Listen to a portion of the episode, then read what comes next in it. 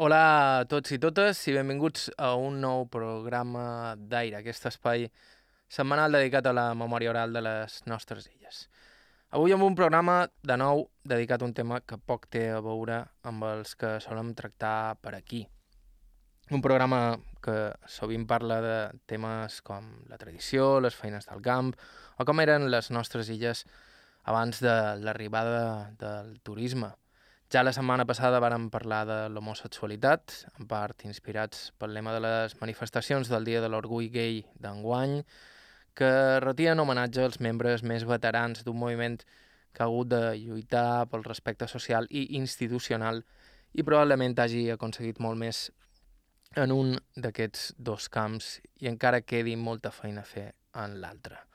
La setmana passada escoltàvem l'entrevista que vàrem mantenir amb Joan Lluís Llull, actualment president d'ALAS, 63 anys, seropositiu i homosexual, que ens va explicar com havia estat la seva experiència personal vivint la seva sexualitat durant els anys del tardofranquisme i el postfranquisme.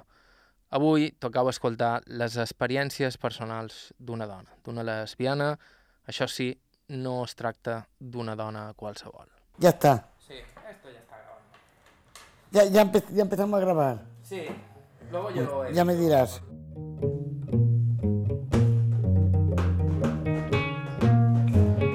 Marisa Ardila no va néixer a les Illes, sinó a Badajoz, i és tota una personalitat, una d'aquelles persones que a estones resulten aclaparadores, plena d'energia als seus 70 anys. Ella va arribar a les Illes a l'adolescència, a finals dels anys 60, però la seva sexualitat la va descobrir lluny d'aquí, a França, quan es va enamorar d'una altra dona. Des del principi de la nostra conversa queden clares dues coses la mala relació que manté amb la seva família i que entrevistar-la serà divertit i interessant, però que el control de la conversa el durà en tot moment ella mateixa. ¿Estás casado tú? Sí. ¿Pero separado o no? No. Bien, te lleva bien, que bien. Pero es la, la madre de tu hijo. ¿Y qué tal? Bien, muy bien. ¿Cuánto me has dicho que tiene tu hijo? Un año y cuatro meses. Hola, soy una pareja liberada, ¿tenéis relaciones con otra gente? No. Ay, me- bueno, me, me parece muy bien, cada cual que haga lo que quiera. Yo tampoco lo acepto eso, ¿eh? Yo con mi novia, mi novia. I aquest bocinat és només un petit exemple. Na Marisa és tot franquesa, espontaneïtat i força. I la seva vida, a camí entre la península, les illes i França, li dona una perspectiva especialment interessant sobre el tema que ens ocupa avui, que és tan senzill i complicat a la vegada com el simple fet d'estimar a qui a tu et doni la gana. El món allà fora no sempre t'ho posa del tot fàcil. Estau escoltant Aire a IB3 Ràdio, us parla Joan Cabot. Començam.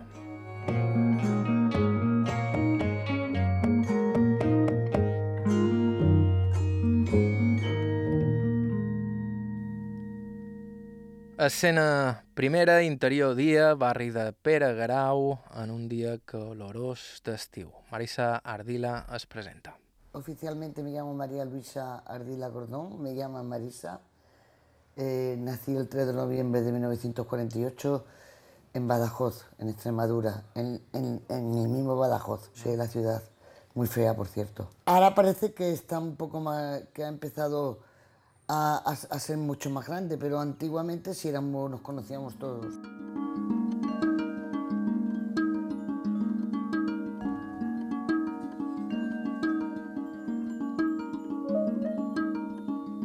Nací de una familia franquista con una posición bastante buena. Mi padre era mecánico, mi madre trabajaba en la caja de ahorro de Monte de Piedad, pero lo dejó cuando se casó. Y mi padre trabajaba también en aviación. Yo no he conocido la República, hoy la República, el franquismo, perdona, yo no he conocido el franquismo. Bueno, lo he conocido, a ver si me entiende, pero no lo he vivido en el sentido de, razonamiento, de, de que, de que pasemos hambre, todo esto, no al contrario. Vivíamos felices, nos llevaron a un colegio de pago, porque antiguamente los colegios de Franco en esa época no servían para nada. Iban gente muy, como decía, muy decadente, eso es lo que me contaron a mí. ¿eh? Y, y me llevaron a un colegio de pago, de pago se llama Sant Ángel de la Guarda, de monjas, claro. Segons Marisa, els seus primers anys de vida varen ser feliços, els normals de qualsevol nina amb una família en bona posició. Va ser quan va néixer el seu germà petit que les coses van començar a enterbolir-se per a ella, que a poc a poc va anar convertint-se en l'ovella negra de la família. Fui una niña más o menos feliz, más o menos no. Había de todo, había de todo, porque yo era completamente diferente a mis hermanos, no tenía nada que ver con ellos. Éramos cuatro, yo soy la tercera de las niñas y nació un niño, cuando nació un niño a mí se me ignoró por completo. Lo sufrí en mi piel, lo pasé mal, hombre, claro que lo noté, ¿cómo no lo voy a notar? Él nació cuando yo tenía cinco años, a mí se me daban todas las prioridades, cuando el niño nació se me quitaron todas. Y ahí empecé a vivir un poco de infierno. Yo no sabía que era homosexual, ni muchísimo menos sentí eso de que se nacen, de que se... Yo veía que era completamente diferente a mis hermanas, que no tenía nada que ver con su rollo, que no tenía nada que ver con, con el rollo de dinero. Ella era materialista, yo era diferente. Yo, por ejemplo, cuando iba al colegio que me hacían darle un bocata a, una niña para que eran, eran colegios de pago, luego había la gente que, no pagaba y que, le daban clase las monjas. Se venía con nosotros de excursión, se ponían las últimas, nosotros nos poníamos las primeras y tenía que dar un bocata. Y yo me negaba a eso, que, yo, que no quería humillar a nadie, que no quería... O por ejemplo, por Navidades teníamos que llevar garbantos, cosas, cosas para las niñas estas. Yo no, yo, no se lo daba, no, no se lo daba. Se lo daba a la monja, y la monja llamaba a mi madre, tu hija mira lo que ha hecho, no quiere darle los bocatas, no quiere hacer nada. Yo, ¿por qué tengo que darle un bocata a una niña, pobrecita? Y además, de esa parte, yo, me, yo cuando iba al recreo me escapaba y me iba con ellas a hablar. nací diferente, completamente diferente.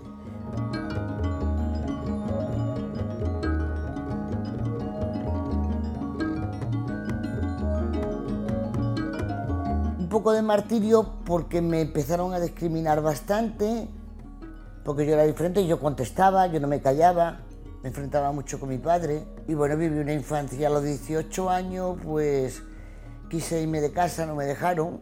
Y como yo era mayor, hasta los 21 años éramos mayor, no éramos mayores, pues entonces me enfrenté a mi padre y me fui a la protección de menores a pedir ayuda. Y me dijeron que a mí no me podían dar ayuda, se lo darían a mis padres porque yo era rebelde. Digo, bueno, me da igual. Haga lo que quiera, pero métame en un colegio que yo no puedo aguantar más. Aquí no estudio, no saco ingreso de bachiller, no saco nada. Conseguí con un palizón que me pegó mi padre, unos cuantos guantazos, no me pegaban ni con correa ni nada de todo esto. Pero bueno, yo era, ¿cómo te diría yo? La oveja negra de la familia ya sin saberlo, ya lo era, ¿me entiendes? Y ahí me fui a las adoratrices, me lo pasé bomba. Y ahí empecé a estudiar, hice ingreso primero de bachiller, estaba por la protección porque yo contestaba a mi padre y era muy rebelde. Mí me daba igual, yo me quería ir de mi casa y me fui. Y es lo mejor que me pudo pasar, eso fue, fue una alucine de miedo, me lo pasé bomba, estudié.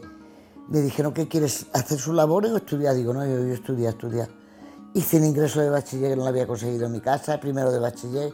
Y luego yo tenía una tía aquí en Mallorca, que era enfermera, que era la, hermana de mi madre, y trabajaba aquí. Me escribió que se me quería ir del colegio, pues se me quería venir. Entonces pues, le dije a mi padre que me quería venir a Mallorca. Y mi padre en ese momento ya no le iba bien los negocios ni nada de todo esto. Entonces mi tía le dijo, pues vente con ellos vete con, tráela, veniros y yo te buscaré un trabajo de mecánico, de jefe, de, porque mi padre era un buen mecánico.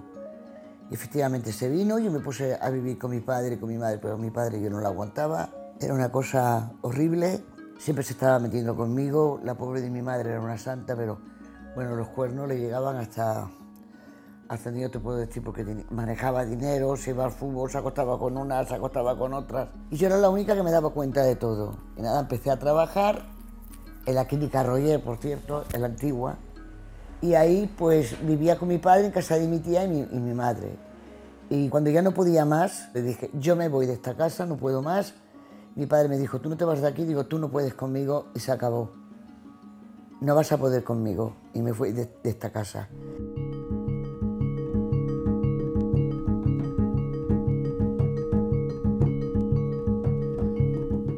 Aquesta mena d'enfrontaments marcarien la relació de, de Marissa no sols en son pare, sinó també amb els seus germans. I estan parlant d'un moment a la seva vida en què ni tan sols havia aparegut el tema de la seva sexualitat.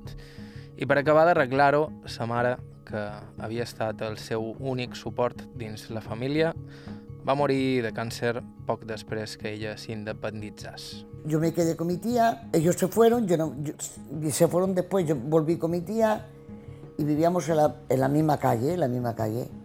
Mi madre una santa y un día me, me llama mi madre y me dice, tengo aquí un bultito, míramelo. Yo solo miro y digo, mamá, pero tú, ¿tú de qué vas? Digo, ¿desde cuándo tienes esto? Pues le había salido cáncer por aquí. Dice, ah, es que no se lo quiero decir a nadie, entonces me fui a Sanidad, que trabajaba en mi tía de enfermera, y se lo conté. Y le dije que mamá tiene cáncer, mamá tiene cáncer. Bueno, la operaron y duró por lo que duró, muy poco, un año y pico, y murió. Mi madre murió y yo, trabajaba en un hotel que llevaba una enfermería, porque yo tenía el título de socorrista y tenía también lo de la Cruz Roja, y llevaba uno en francés. Y entonces me dijeron, me dijeron de irme cuando murió mi madre, se terminó la temporada y me dijo una amiga, vente a casa que tengo un hotel. Y nos quedamos en el hotel con mis padres y conoce Francia.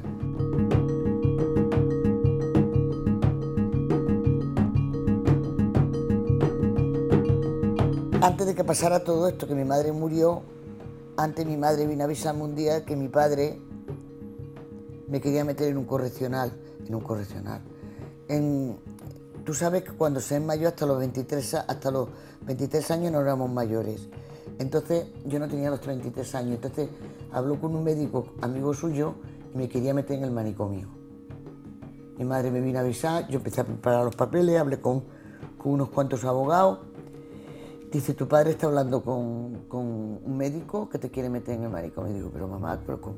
¿por qué me quiere meter? Mi madre sufría mucho, me venía, me venía a ver a escondida de él y luego se lo quitaron de la cabeza y, y no hizo nada. Y me fui a un hotel a trabajar. Estuve muy bien con los franceses ahí donde me invitaron a Francia y me fui a Francia.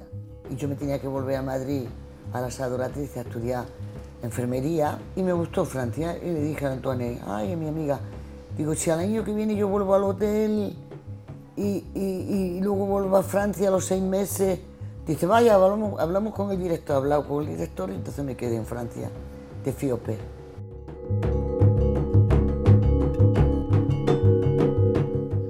Va ser a França on la vida de Marisa va agafar un nou rumb.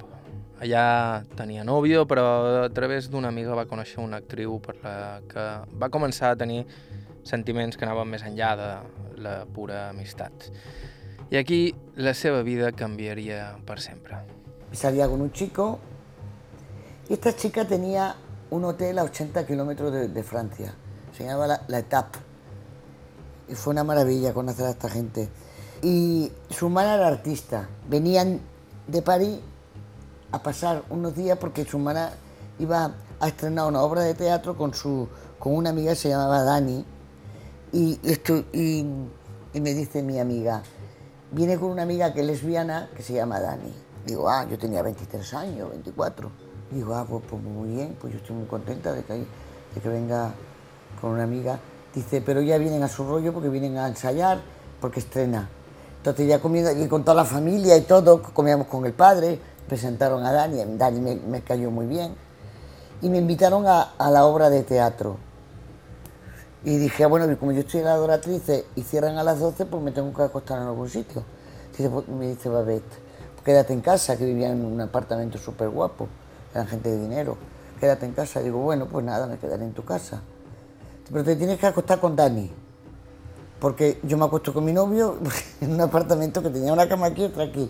Los apartamentos estos modernos que viven en Francia.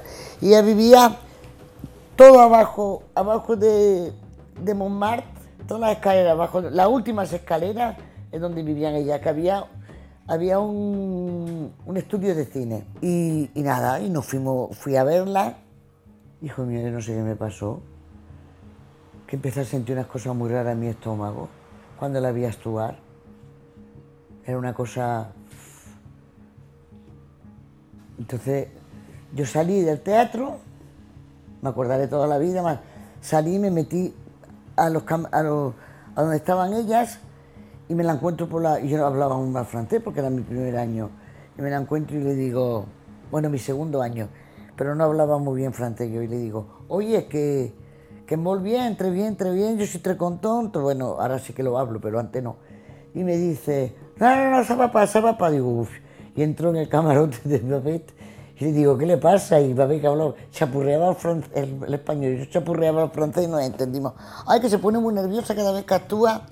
Y nada, nos fuimos a una fiesta después de la obra de teatro, yo me fui con ellas, bueno, una pasada, en Montmartre, en, un palacio, de esto, pues como eran gente de muchísimo dinero, en un palacio a celebrar una fiesta bien vi- violinista, un pianista, eh, hacían allí, hacían teatro entre ellas, y nada, estuvimos en la fiesta, había vino, había pues, cositas para comer. Y se acerca Dani y me dice, ¿qué, cómo te lo pasas? Esa ta- también se apurreaba el español. Que los franceses todos se apurrean el español, ¿sabes? No saben hablar nada. Pero bueno. Entonces, ¿qué pasó? Pues nada, terminó la fiesta, nos fuimos y yo me acosté en la misma cama de esta chica, yo no tenía ningún problema, aunque fuera lesbiana. Y me cogió y le dije, no, no, yo no, no entiendo, no sé, o sea, no, no se usaba la palabra entender. No, no soy lesbiana, le dije. Yo lo tenía muy claro. Defendía a la lesbiana, pero yo no era lesbiana, siempre las he defendido. Y me dice, bueno, bueno, vale, vale. Podemos dormir abrazadas y me cogió así y, dormimos así. Y a, a los otros tres días la volví a ver y le dije, oye, como me invitaste a quedarme aquí antes de irme a España, pues lo que tenemos que hacer, os invito a comer, yo traigo, yo traigo, traigo un pollo, traigo lo que sea, porque como yo vivo en la residencia no puedo comprar nada, pero yo lo hago, yo lo compro. Vale, vale, vale, vale. Estaba Dani y Babette. Y, y yo me fui, compré el pollo, compré todo, y entonces me atraía muchísimo, empezó a atraer muchísimo, digo, madre mía.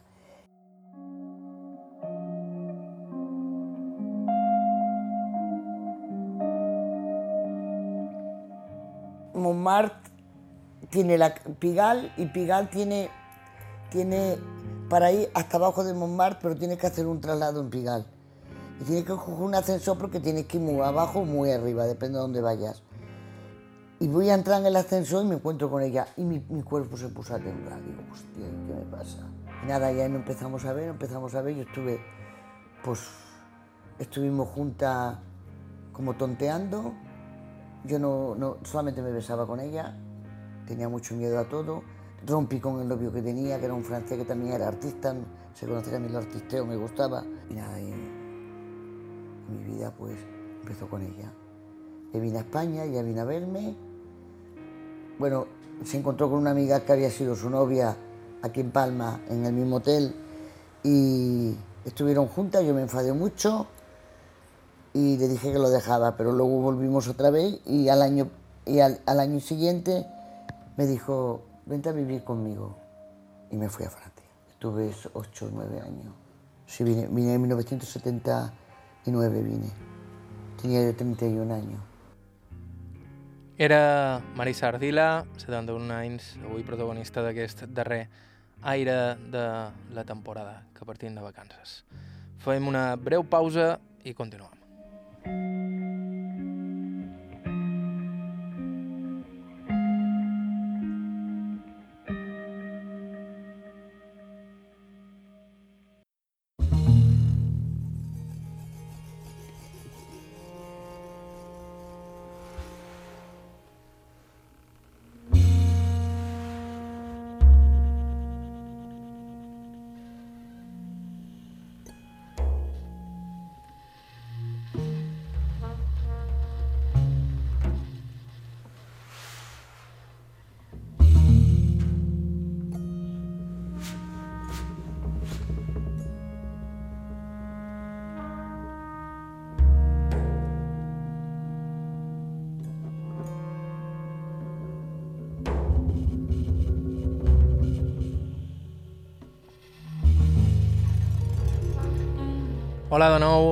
Esteu escoltant Aire a IB3 Ràdio.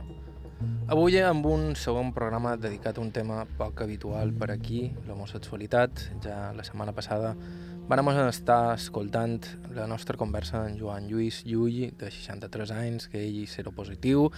Avui estem escoltant l'entrevista que li varen fer fa res a Marisa Ardila, de 71 anys, nascuda a Badajoz, però instal·lada a Mallorca des de l'adolescència. Abans de continuar, vos recordam que si voleu escoltar el programa d'avui des del principi o qualsevol dels nostres programes anteriors, ho podeu fer al web ib3alacarta.com o bé a través d'iTunes o qualsevol altre programa de subscripció o podcast. A Marisa Ardila ens havíem quedat en el moment en què havia conegut Nadani, una actriu francesa que no sols va suposar la seva primera relació amb una persona del seu mateix sexe, sinó també el seu primer gran amor. Segons na Marisa, ella mai havia sospitat abans que fos homosexual, así que va ser todo un descubrimiento. Vamos a ver, yo no, no me veía lesbiana, jugaba las mariquitas, me iba con los niños con las bicis, con los patines, pero eso toda mi familia, mis hermanas también, no era la única, todas las niñas del, del barrio íbamos con los patines, cuando terminábamos la casa, ¡jim, jim! patines para arriba, bici para abajo, toda la calle esta, y nos lo pasábamos muy bien. Yo siempre que íbamos, cuando íbamos, había unas murallas que estaba la plaza de toro, que ya la han quitado, y esta muralla íbamos a jugar, pues eso, a, las príncipes, a las Yo siempre hacía de príncipe, eso, eso me he dado cuenta después. Siempre hacía de príncipe, pero, pero nada. Y enfrente de mi casa había una pareja lesbiana, gente ya mayores, bueno, mayores, a lo mejor yo tenía 15, 16, 17 años, ellas tenían 20, 25, 30. Había una que era el hombre, que se le veía, porque antiguamente, antiguamente las lesbianas cogían el rol del hombre para sentirse más, más, más segura y se iban con los hombres a la taberna y luego estaba la dona y mi, y mi casa la criticaban siempre. Mira, la lesbiana, no sé cuánto, y yo decía, pero dejadla en paz, que vivan su vida, dejadla en paz, que vivan su vida. Luego vino una amiga, una vez, que era lesbiana, se llamaba Celia, me acordaré toda la vida, que era amiga de mi hermana Manoli. Y decía, y este, este, iba detrás de mi hermana. Y un día las vi besándose, pero nada más. Un día, y, yo, bueno, pues no le di importancia. Y yo no le daba importancia, yo, yo creía que la gente, porque yo era completamente diferente a mi familia. A mí me decían que yo me quería para ser una señorita y salí con, con una persona que fuera más o menos de mi edad y de mi categoría. Un médico, un abogado o algo así. Y yo le dije a mi que no me parecía normal. Y salí con un mecánico y me echaron la bronca. Yo le dije, ¿por qué me vais a echar la bronca si mi padre es mecánico? Pero tu padre tiene otra categoría, tú has estado en colegio de señorita. Es verdad que nosotros allí en Badajoz nos, eh, salíamos con gente de muchísimo poder porque eran coches antiguos y lo único que sabía arreglarlo era mi padre y era una categoría, pues mis padres tenían un dineral de miedo, además trabajaba también en aviación, por los aviones.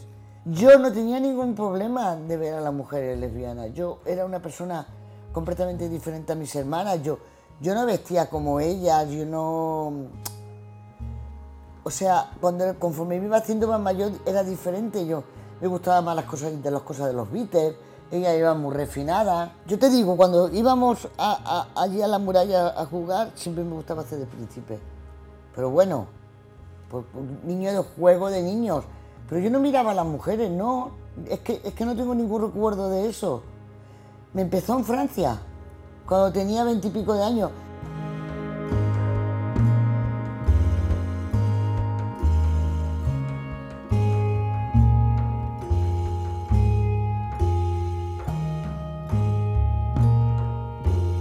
Yo no he nacido de lesbiana, es que eso, eso que dice, es que nacemos, que, que, que, vale, de acuerdo, estoy de acuerdo que algunos por las hormonas pueden ser más femeninos y pueden nacer con más feminidad y antiguamente, como, se, como no era tan aceptado, pues en cuanto había un niño que se pasaba un poquito, ya era un problema, ¿me entiendes?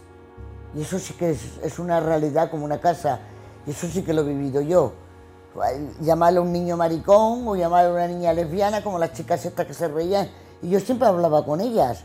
Yo siempre me iba a poner a hablar con ellas y les me decía, tú siempre, Marisa, has sido muy maja, siempre, siempre has estado con nosotros. digo, porque yo no tengo ningún problema con vosotros. Porque yo luego, cuando me di cuenta, soy lesbiana, y feminista, o feminista lesbiana, me da igual.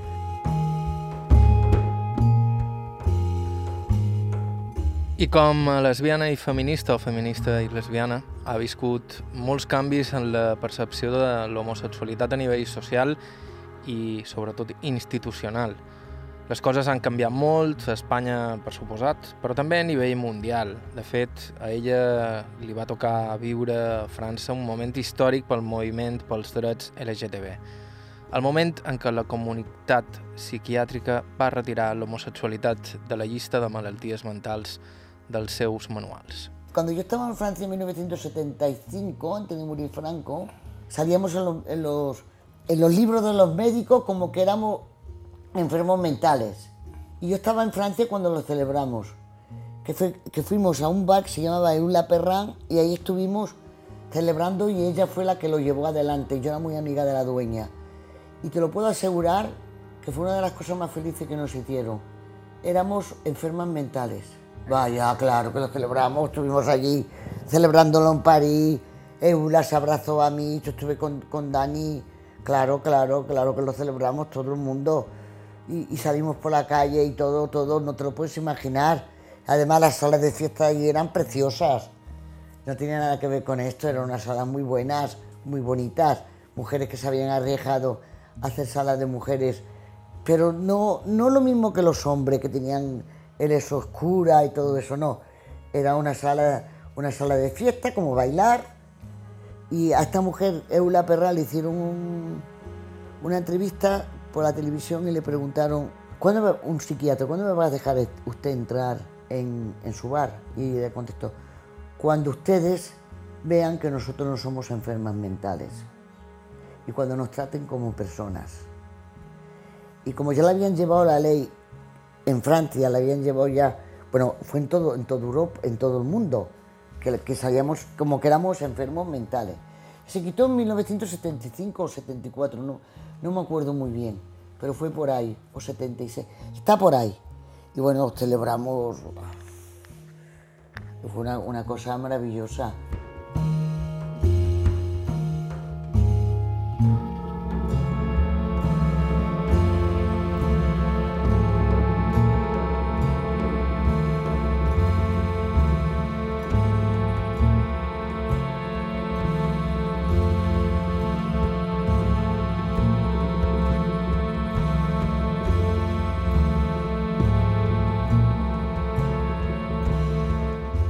Mentre a França celebraven aquesta mena de passes endavant, a Espanya la situació era completament diferent. El panorama que es va trobar Marisa Ardila quan va abandonar França i va tornar a Mallorca no tenia res a veure amb el que va viure allà. Bueno, es que España, España, yo venía aquí y es como si estuviera en un pueblo, o sea, yo vivía allí con toda libertad, todo el mundo sabía que yo era la novia de Dani, que vivíamos juntas, íbamos a casa de la familia esta, nos daban una habitación para nosotros, era una cosa completamente diferente, no tenía nada que ver. Me metí, me metí aquí cuando la dejé, que dije que yo me venía a, Francia, a España porque quería seguir mis estudios y que no veía que, que pudiera... Yo trabajé, trabajé, porque me sirvió lo de, lo de la Cruz Roja, trabajé de enfermera en un hospital allí que me sirvió de mucho, aprendí muchísimas cosas, me lo pasé muy bien, gané mucho dinero también. Y, y yo te puedo asegurar que, que viví una, una, una experiencia jamás vivida, o sea, libertad, libertad, libertad. La abuela de Dani sabía que, era, que yo era lesbiana, la madre de Antoine, que era mi, mi mejor amiga, que heterosexual, que seguimos siendo amigas, aunque hemos tenido nuestras cosas, pero seguimos siendo amigas.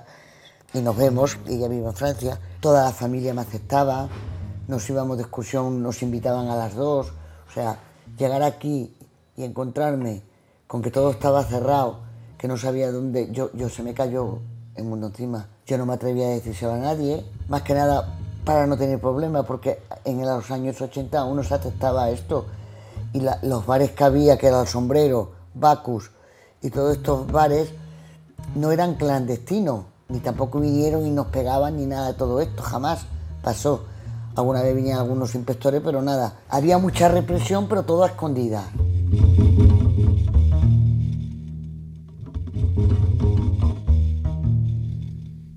A Mallorca, na Marissa es trobava un poc perduda. La casualitat, però, de nou, va posar-li davant un camí a seguir. I ho va fer de la manera més atzerosa que pugueu imaginar. Cuando yo me vine aquí, yo un día iba con mis amigas y no sé qué pasó, que me separé de ellas, porque de verdad tan... No me separé. Digo, ¿a dónde vamos? Vamos por la plaza, por la plaza España, me dice. Vamos a dar una vuelta. Digo, bueno, pues seguí, que ahora vengo. Y me senté en un recodo de la plaza España y yo diciendo, madre mía, ¿dónde me he metido? ¿Y dónde me he metido? Entonces al lado mío había una chiquita muy maja, además que era lesbiana. Y me acerco, no, y le digo, ¿quieres? Y me dice, ah, pues sí, pues mira, tengo sed. Y, y- bebió de mi cerveza.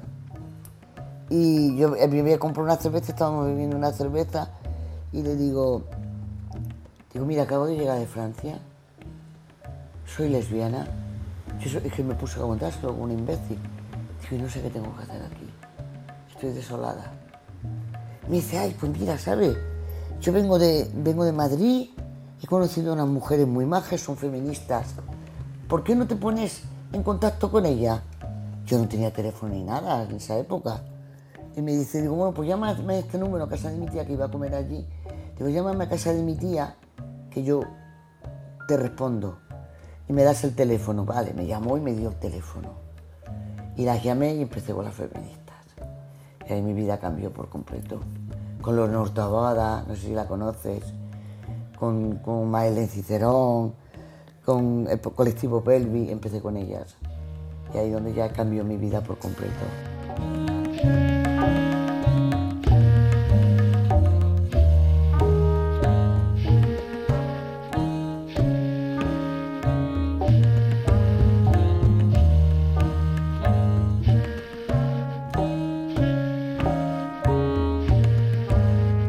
que vino una mujer, que Leonor Tabada, que era sudamericana, y esta mujer venía con muchísimas, con mu- muchísimas cosas nuevas de América.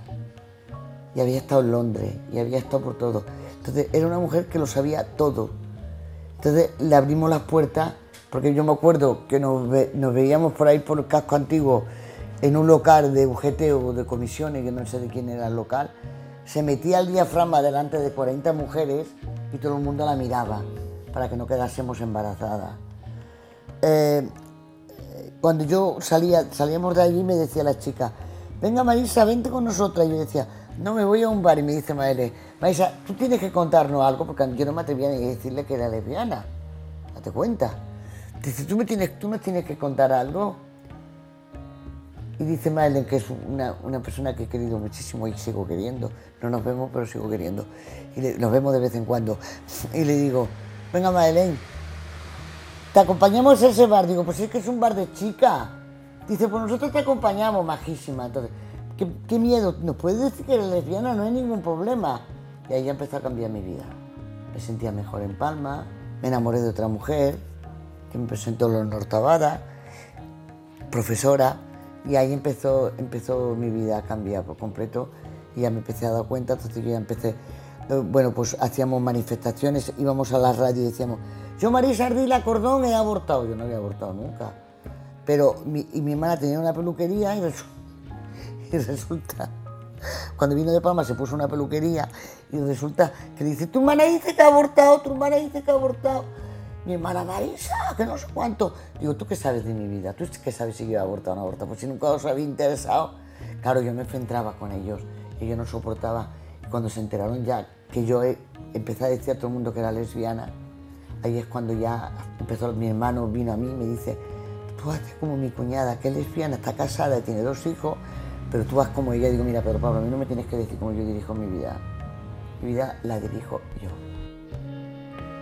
Aquesta actitud, la de no permetre que ningú li digui com ha de viure la seva vida, na Marisa Ardilà l'ha mantinguda sempre i també ha estat en part el motor de molta de la seva activitat pública.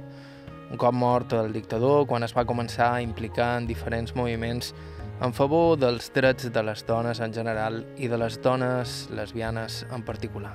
Nosotros ayudamos a las feministas y ellas nos ayudaban a nosotros. Era como una rueda. Pero había complicaciones, porque no todo el mundo aceptaba el lesbianismo dentro del feminismo. Sí, casi todas, casi todas, no tengo que decir casi todas, pero bueno, había tramas. Eh, menos que en otro sitio, por asegurado. Yo no me he sentido rechazada jamás por una feminista, pero el problema que había que los sindicatos había gente que se metía en el feminismo y querían llevarnos a su rollo. Nosotros éramos feministas liberales. Cuando hacíamos las asambleas había unos disgustos de miedo porque los sindicatos no sé cuánto decíamos que no, que nosotros somos libres. Y claro que había mujeres lesbianas dentro del feminismo, eran todas profesoras, había enfermeras, había de todo un poco. Había menos porque no, no todo el mundo lo decía. Y las profesoras tenían una habitación para una novia y para su novia otra habitación para ella, pues si venía la familia, eran amigas. Era más llevable que la, que la parte de la homosexualidad. Pero yo te puedo asegurar que la parte de la gente que era lesbiana y que estuvo en mi época lo pasó muy canuta y lo pasó muy mal. Yo no, porque yo lo hice. Mm, Me di cuenta en Francia que me gustaban las mujeres, creo que me enamoré de esa mujer, luego ya no he querido ir con hombres y ha sido toda mi vida siempre con mujeres. I això va ser així en uns temps en què la lesbiana no era tan acceptat com és avui en dia, quan encara queda molt camí per recórrer. Ni tan sols el feminisme estava ben vist en aquells anys. Incluso no solamente de mujeres lesbianas, de mujeres feministas sin ser lesbianas, que los maridos los perseguían, las perseguían por todo. Aquí en, en Mallorca, yo me acuerdo que un íbamos con Maelén y el marido nos perseguía por todo y nos enfrentamos a él. Maelén era una persona que tenía cuatro hijos, se dio cuenta que era feminista cuando se dio cuenta que el marido era el director de banco, llegaba, se sentaba, lo tenía que tener todo arreglado. Gente de dinero, gente de dinero. Y era enfermera y era director de banco en esa época, que era mucho. 1900, estoy hablando de 1980. Y dice que veía las películas por la rejilla, porque el marido lo mandaba a acostar. Y un día alguien le dio un libro y dice, mira, léetelo. Y ahí empezó a conocer el feminismo. Yo lo conocí, yo conocía el feminismo, pero no conocía gente activa. Yo lo conocí por las chicas estas, que me senté a hablar con ella y me dio la dirección de la gente feminista. Com hem dit abans, una casualitat increïble que va dirigir la vida d'Anna Marissa en una direcció molt concreta que marcaria la seva vida. Estau escoltant Aire a IB3 Ràdio, fem una breu pausa i tornem en uns segons.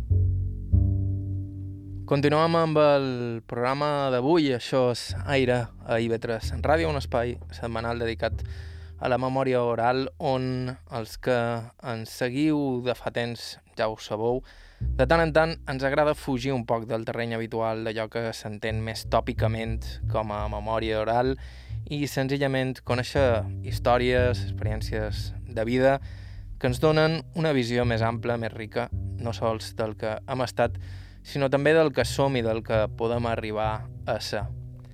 De fet, han dedicat els dos darrers programes a parlar amb dues persones homosexuals que van començar a viure la seva sexualitat en uns temps més obscurs que els actuals, però això tampoc vol dir que els temps actuals siguin perfectes. De fet, ha estat un llarg camí per arribar fins aquí.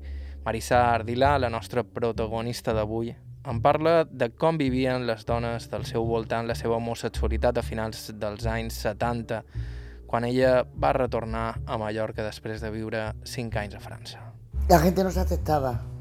Yo me acosté con una mujer que era virgen. Te, te pongo este ejemplo para decirte, ella vivía, vivía una parte de su trabajo y de su vida y de su familia com- completamente aparte a cuando se iba a la, a la sala de fiestas.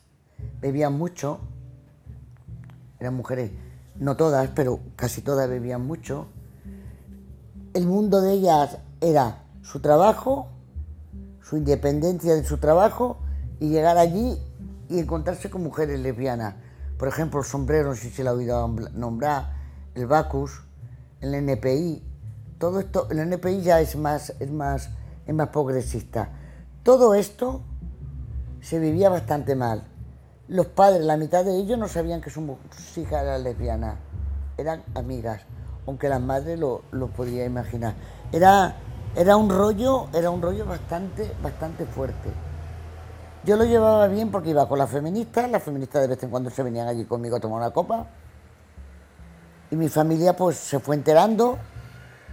Yo empecé a estudiar, iba a ser enfermera, ya me daba muchísima pereza empezar desde el principio. Me hice auxiliar porque terminé los estudios me hice auxiliar de enfermería y me coloqué en... Bueno, cuando vine de Francia me, tuve que poner a fregar. Eso mi, mi familia tampoco lo admitió. Iba por las casas y me coloqué en una agencia que se llamaba La Inter, que me llevaba por todo. Estuve trabajando en Avis, en, en Oscamayer, iba a fregar todo lo que estudiaban los hombres del váter, en los barcos. Tuve cinco años. Y cuando terminé ya los estudios, que había hecho lo de auxiliar y había hecho todo, todo, entonces me presenté a Sondureta y me dijeron, es el último año que no, que no, no te admitimos sin título. Yo lo tenía todo menos el título oficial. Tenía de la Cruz Roja, tenía de socorrista, bueno, el socorrista hace mucho tiempo que lo tengo.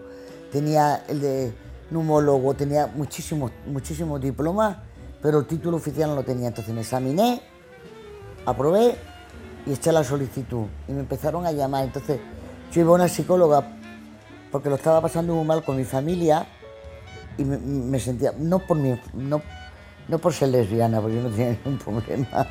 Yo se lo dije bien claro a la psicóloga, yo no tengo ningún problema. Me entró una, una, fíjate tú hasta dónde me llegó lo de mi familia, que me entró una alucina de que no podía coger ni un cuchillo porque parecía que iba a matar a alguien. Y yo hablé con la feminista y me dijeron, digo, pero es que lo estoy pasando fatal, porque cojo un cuchillo y me tiemblan las manos. Yo sé que no voy a matar a nadie, pero me da esa sensación. Y me dijo una de las feministas que estaba muy bien relacionada, te vamos a hablar con una psicóloga, si no yo te lo pago, porque esta tenía dinero. Y yo decía, no, no, yo no. Uy, yo soy yo siempre muy independiente. Digo, no, no, a mí no me pagas tú nada. Fui a una consulta de la psicóloga, pero yo ya no volví porque la teníamos que pagar, yo no tenía dinero. Yo ganaba 11.000 pesetas, yo no tenía dinero para pagar eso. Ya me bastaba con, con vivir escasamente. Y me, me, dijo, además yo no pedía nada a mi familia, eso también me rechazaron por eso, porque me puse a fregar. Vístete bien, no vayas así fregando, eres la, eres la vergüenza de la familia. Pero la, fui la que mejor me coloqué, de la familia, aparte de todo. La única que, que sacó una plaza en propiedad de la seguridad social fui yo. Me presenté a los exámenes, entonces yo fui a la psicóloga y digo que me han ofrecido un trabajo en Sondureta de, de una mujer embarazada. Dice, digo, yo no puedo dejar el trabajo que tengo de limpieza. Dice, pero Marisa, ¿tú por qué has luchado? ¿Tú para qué tienes todos estos títulos?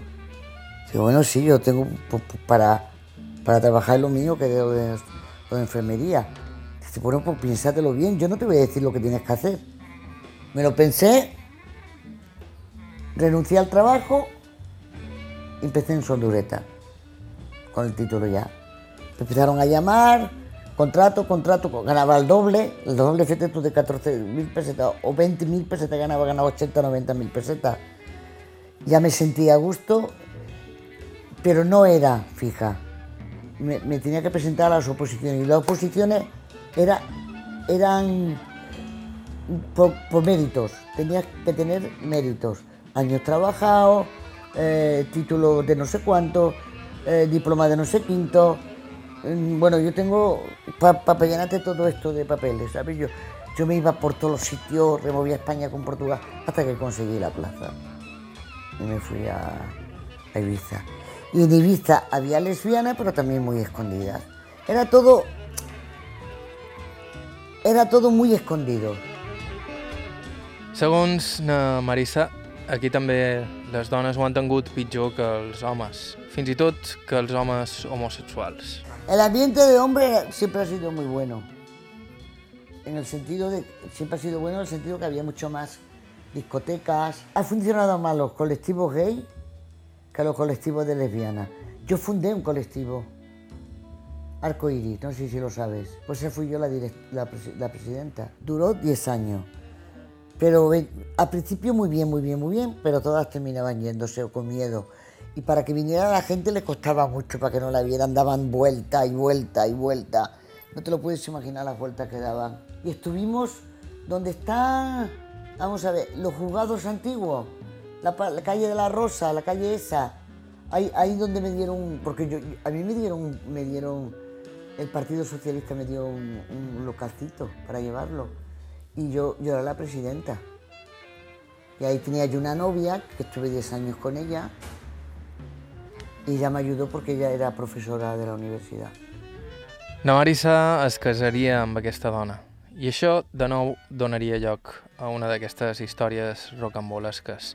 A estones me deman com li poden passar tantes coses a la mateixa persona. Yo me casé con mi pareja de 10 años y me dejó, me casé en 1900 2010 y me dejó a las cuatro horas de casada.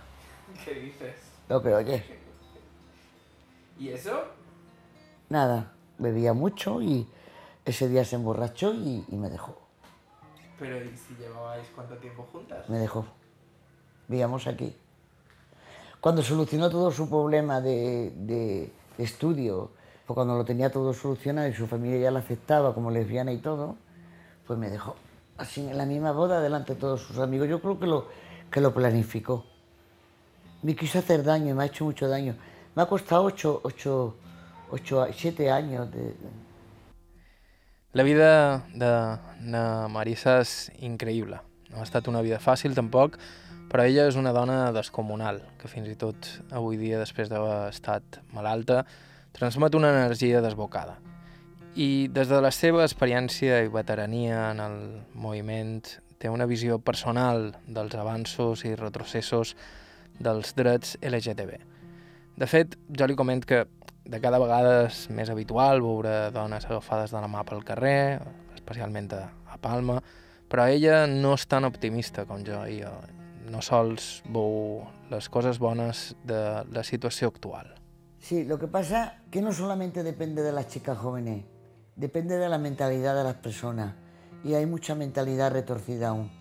Aún siguen pegando a la lesbiana, aún siguen pegando a los homosexuales en las ciudades grandes. En 1988 hicimos una manifestación porque un policía vio a otra mujer, la besaba la boca y se la llevaron al calabozo. Hicimos una manifestación de la besada en, Madrid, que, que yo estuve, todo el mundo se besaba y, ahí no nos pudieron parar, ¿entiendes? Ha ido progresando totalmente a nivel estatal, que nos podemos casar, de que tenemos los mismos derechos. Pero eso no es lo más importante. Lo más importante es que la gente acepte que somos lesbianas. Lo más importante es que no nos traten como nos siguen tratando. No hemos progresado tanto. ayer salió, salió, no sé si fue en Antena 6, en la 6, un programa que estaban haciendo una entrevista a la gente que le decía, ¿usted señor se acostaría con un homosexual como amigo, como amigo, en una misma habitación? No. ¿Y con una lesbiana? Tampoco. Y había muy poca gente que dijeron que sí. Yo me he acostado con heterosexuales, me he acostado con hombres. No he hecho el amor, no lo he tocado, ni ya me han tocado a mí, ni yo he tocado ninguna... Yo me acuerdo que yo empecé, me gustaba una mujer muchísimo, muchísimo, hace unos cuantos años después de haber dejado mi novia.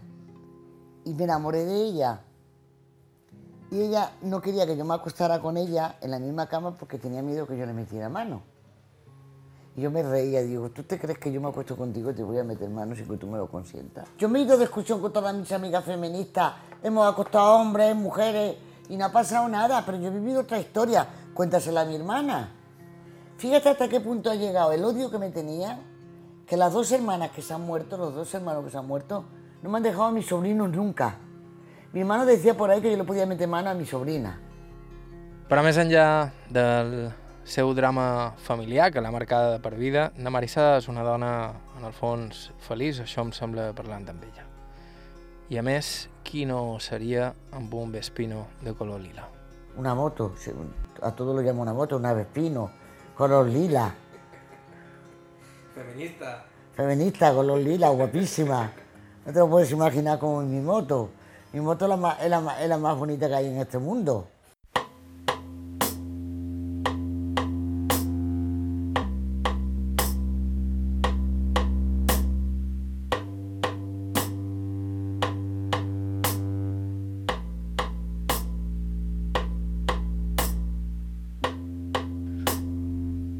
Fins aquí el programa d'avui. Gràcies a Marisa Ardila pel seu temps i amabilitat i gràcies a Ben Amics per donar-nos un cop de mà amb la producció d'aquest programa. Nosaltres ens acomiadam fins setembre. Aquestes pròximes setmanes continuarem en antena amb una selecció d'alguns dels nostres programes preferits d'aquesta temporada i a partir de setembre arrencarem amb energies renovades. De nou, si ens voleu proposar alguna entrevista, ens podeu escriure a aire.ivetresradio.com Iker Hernández a la producció tècnica, Bàrbara Ferrer a la producció executiva, vos ha parlat Joan Cabot, ens retrobam més enllà d'agost. Sort i ventura. Adéu.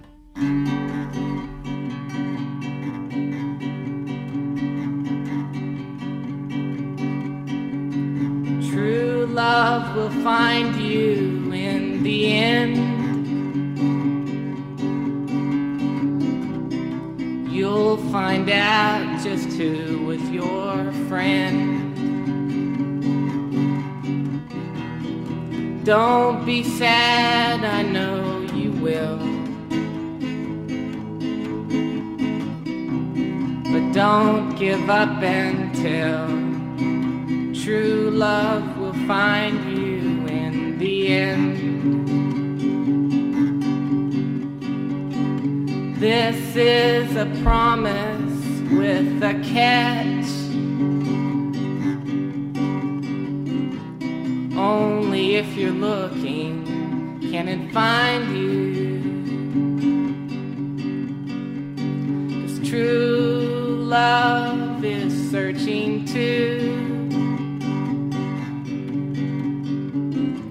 But how can it recognize you unless you step out into the light, the light? Don't be sad, I know you will.